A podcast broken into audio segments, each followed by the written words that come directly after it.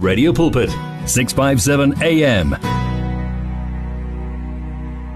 Isikhathi ke sithi 11 before 3 o'clock rina le OCD Mongwe la elayinini uzosibusisa kulenyanga yonke yaboma inyanga yembokodo esimotivator uyazi esikhulisa emphefumulweni. Eh OCD dimela.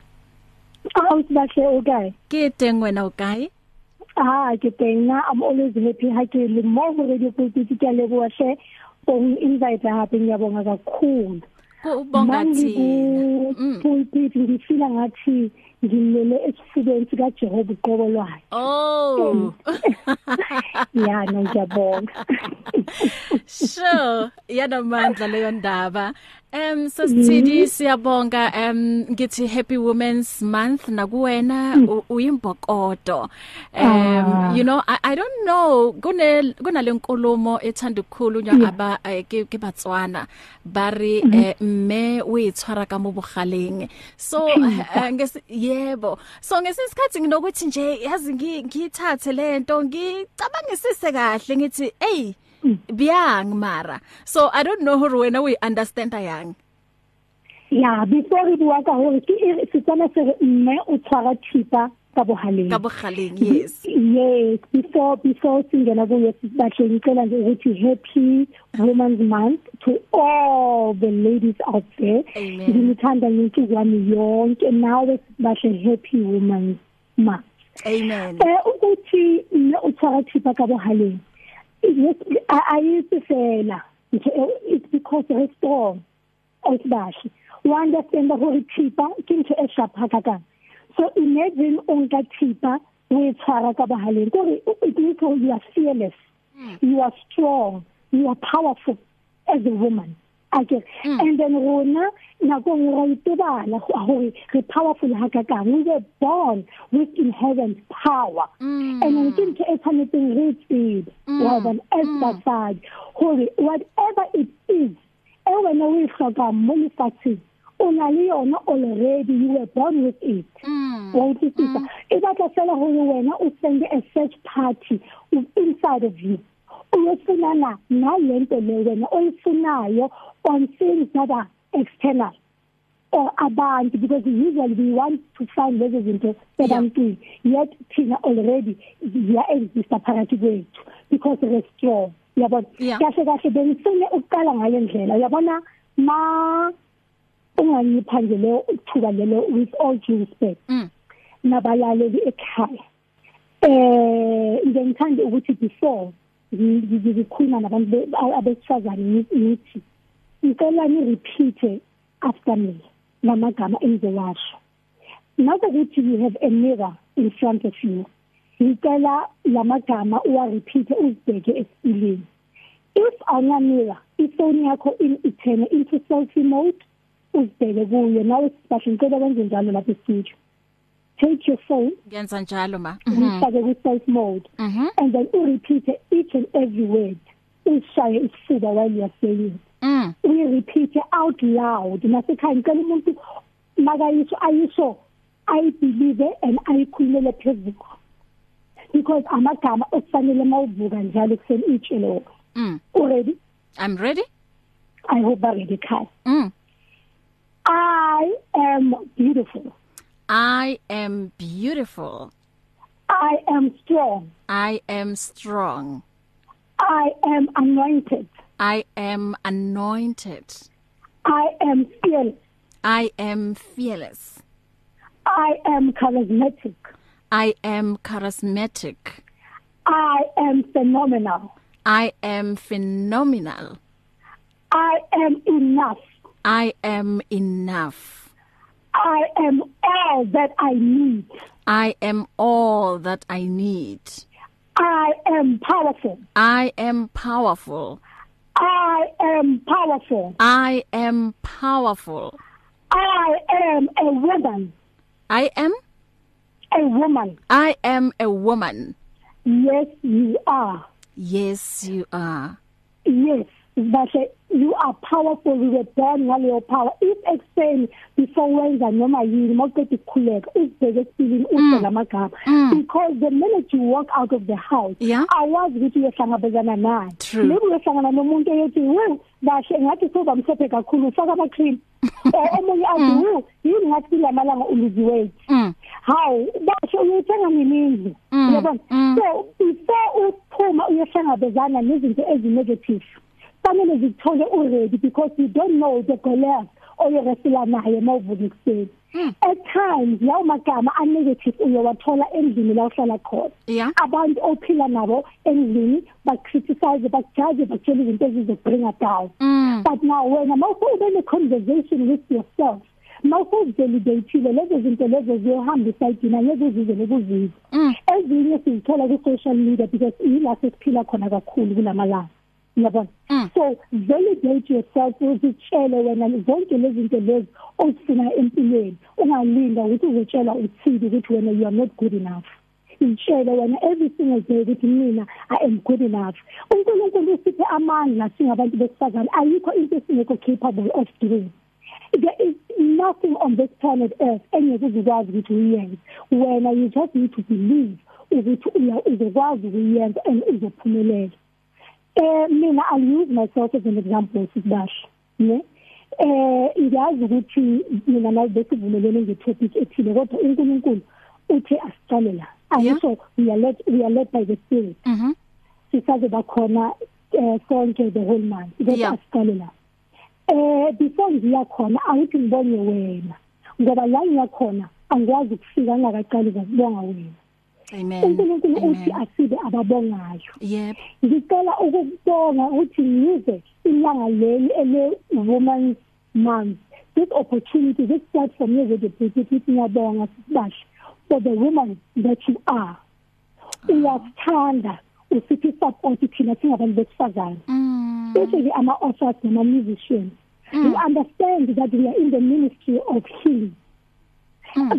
Baningi abantu bongawabiza kodwa you make sure ukuthi every single week there's a woman Yeah. kupanel yakho Mm. and for that you do, may God bless you with all the desires of your heart Ah. uNkulunkulu akuthathe akugibelise the highest mountain Mm. ureach the summit and i am saying this ukuthi ngoba ngifuna wonke umuntu esifazane elalele abe yilento wena oyiyo Wow. you are an epitome of uh, the type of woman esifanele thina sonke sibe nguye Mm. yabo the question i'm asking ukuthi kuwonke umuntu esifazane ekhaya what type of a woman are you? Are you the type of a woman ofana nesisibashi okwazi ukuthi thikimenze hold my hand asihambisane sonke. Or are you the type of woman ethi uthiki angimazi angena indawo kuthiki mina nabantwana bami ezengathi si right omunye umuntu akukho la ngibeka khona. What type of a woman are you? Yabo khona manje mina ngihleli ngikuke pulpit ngikhuluma nawe kumnandi we are having a conversation ngiyi-offer namhlanje I'm a self-published author because kwaba nabantu besifazane abacontributile empilweni yami usesekhona bahle Ngilalela. Mhm. yes so if bekukuthi azange kube nomuntu wesifazane oye wabamba isandla sami ngabe ayikho today ukuthi ngize ngikhulume nabanye abantu besifazane hence ngithi uNkulunkulu uthi asibe ababongayo. Mina this time last year I was writing a book. Incwadi ebengazi ukuthi ngizoyipublisha njani. Ngingana amafunds ukuyipublisha because i-lockdown ithe mayifika ngasithola ngingana source of income. Kodwa ngibhizi ngibhala incwadi. And then ngaguqa phansi ngatshela uNkulunkulu ngathi uwe othathe lento le wayifaka phakathi kwami. Ngicela ungithumelele abantu abazongisiza ukuthi ngifinyelele la ngifuna khona. Wavusa ingelosi wavusa abozinhlengisi that is my editor. Wangihlanganisa nezinhlengisi. Wavusa umama Dr Laxi Mokweni ukuthi ngicela nibambisane nethivi azafike la aya khona. Basho mina incwadi le ngithayipe so ngibhizi ngayo for a year. Bengingana ne-laptop i-laptop yami yayimoshekile. Mm. if bengabanga nomuntu osisi oye wathi kimi Yeah. uthini? Ngayi laptop yami ngayisebenzisa unyamaza ndimba ngabe incwadi yami isasheli kuma hardcover books somewhere? If uzinhle izithi waye azange abe khona empilweni yami ngabe incwadi yami isasheli kumele ayikho publish sure. If udr Lasimukweni azange athi thini? Mina nayi contribution engizoyenza towards your book Mm. because ngibona i-passion onayo. It's just a small contribution. Ithathe uhlanganise nala uhlanganise naloku kuhlanganisayo Mm. ngibone ukuthi angeke kufike la ufuna ukuya khona. Ngayithatha i-contribution yakhe ngahlanganisa neyami imali ngasibhadala i-first installment ye-editing. Second month my mother uLydia Mungu enye imbokodo I am the woman I am today because of this woman. Wow. U- u- u- umama wangifundisa uyedolweni umama owangifundisa ukuthi ngibe nepeace ngibe nokuthula. Into ebalekile ukuthi whatever engihlangabezana nayo ngithathe ngise kuJehova. Ngiyambonga. Yes my father and I contributed kodwa namhlanje ngise sikhuluma ngabomama. Yeah.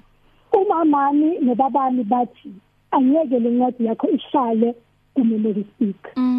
The little money that we receive from the state sizohlanganisa ubhadale i-editor yakho your second installment. Mm. And mind you akasebenzi njalo izinto engithi by the time aqeda mina ngisikhuthi yakho kufanele bese nginike the full payment and that is within a month. And then abantu abapublishe incwadi they will tell you they will attest ukuthi self publishing is very expensive.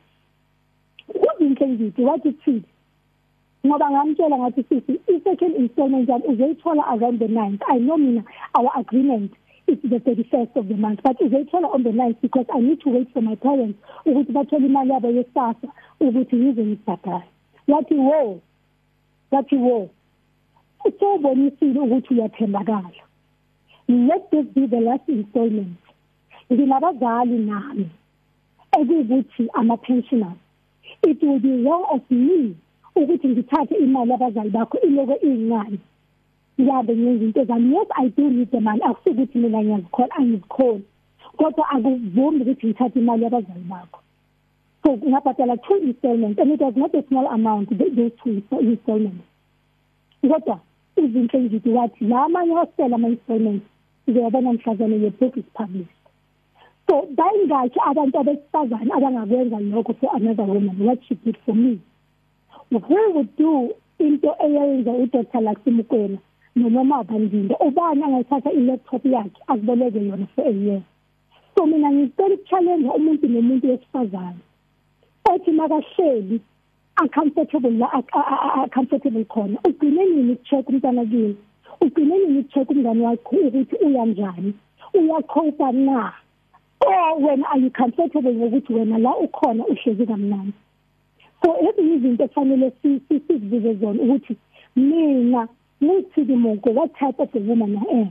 Am am I mina ilanga malishona ngingayizanga i-defense empilweni yomunye umuntu wesifazane ngiba ne-problem. Angilali kahle. Every single day kufanele kube nomuntu engenza i-defense empilweni yakhe. Whether leyo defense ngiyenza nge-advice whether leyo defense ngiyenza ngokum-ofera something. Kodwa depending ukuthi yena amanisi yakhe ahamba kanjani ngizowenza umehluko. So be the type of a woman ozothi makahleli ukhathazeke ukuthi ubahle u- u- uyanjani ngempilo. Yes. Ubahle nabangani zakhe. Mm. how are they doing? Mm. you understand? Mm. nami ngithiki monke yes i've healed from my wounds walani buya khona hence i've written a book. Yeah. Kodwa every day ngiba nama wounds amasha. Mm. Angisho. i'm wounded. Oh because Tsidi. so long as sisaphila siba nama wounds amasha oh Tsidi. when last did you check up on me mm. ukuthi Tsidi how are you doing? You understand? Yeah. kahle how are you doing? Yeah. Sinjani thina bantu besifazane lutho uthando lwayaphi uthando because sifanele sithandane sibe into eyi-one sibambisane. In- instead thina we compete with one another. Yeah. You understand? Yeah. nima ngingasiza uthidi ngento ethize Mm. uthidi uzongidlula hey. Uyazwisisa Yeah. uthidi uzoba phambili mina ngibe emuva mm. So angikwazi ukuthi ngisize uthidi so mangivala ke sisibahle ngithi umuntu mamsiza. Mangithatha i-250 yencwadi mayingena ngithengela abantwana bami isinkwa.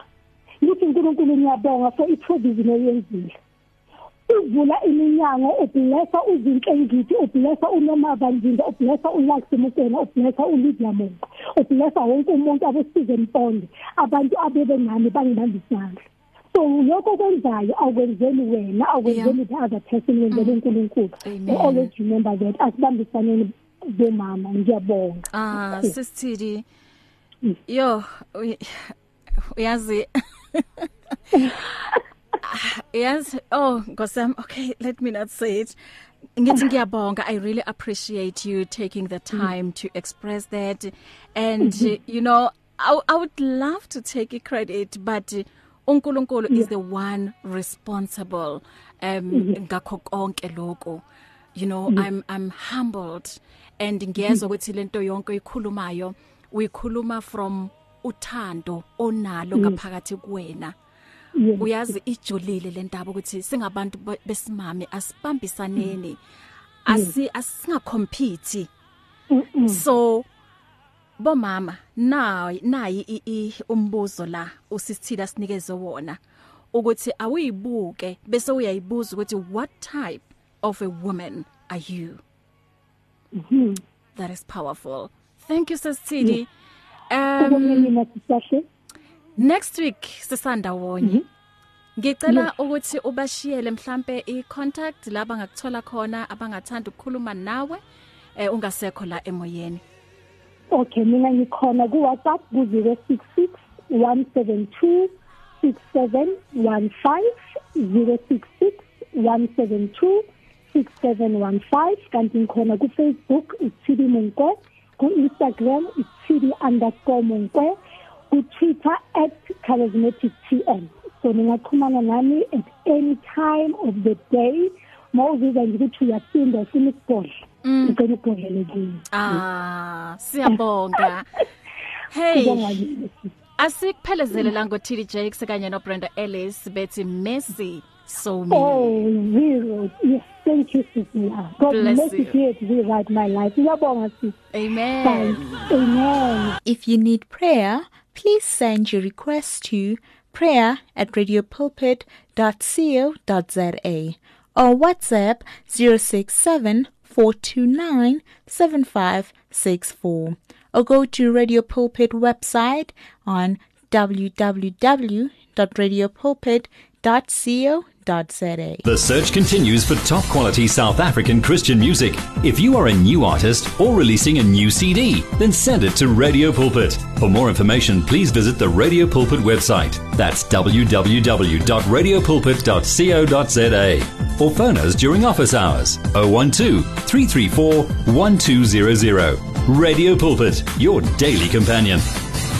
At Radio Pulpit, we love the interaction we have with our listeners on all the social media platforms. It is also our way of giving everyone a voice that can be heard all over the world. Unfortunately, we have been experiencing huge difficulties with WhatsApp for a while now, and we are now forced to find a viable alternative. That alternative is called Telegram. Telegram is an app that works exactly the same as WhatsApp, and it uses the same telephone number as well. All you need to do to be able to chat with your favorite presenter is to download the Telegram app onto your phone and send your message or voice note the same way you always did. We will then be able to receive and answer your message faster, and the privacy on this app is much better too. So, whether you have an iPhone or an Android, the app pic is a white paper plane in a blue circle. Please download the Telegram app right away and make life easier for everyone. You and 657 AM and life, a winning team on the road to eternity.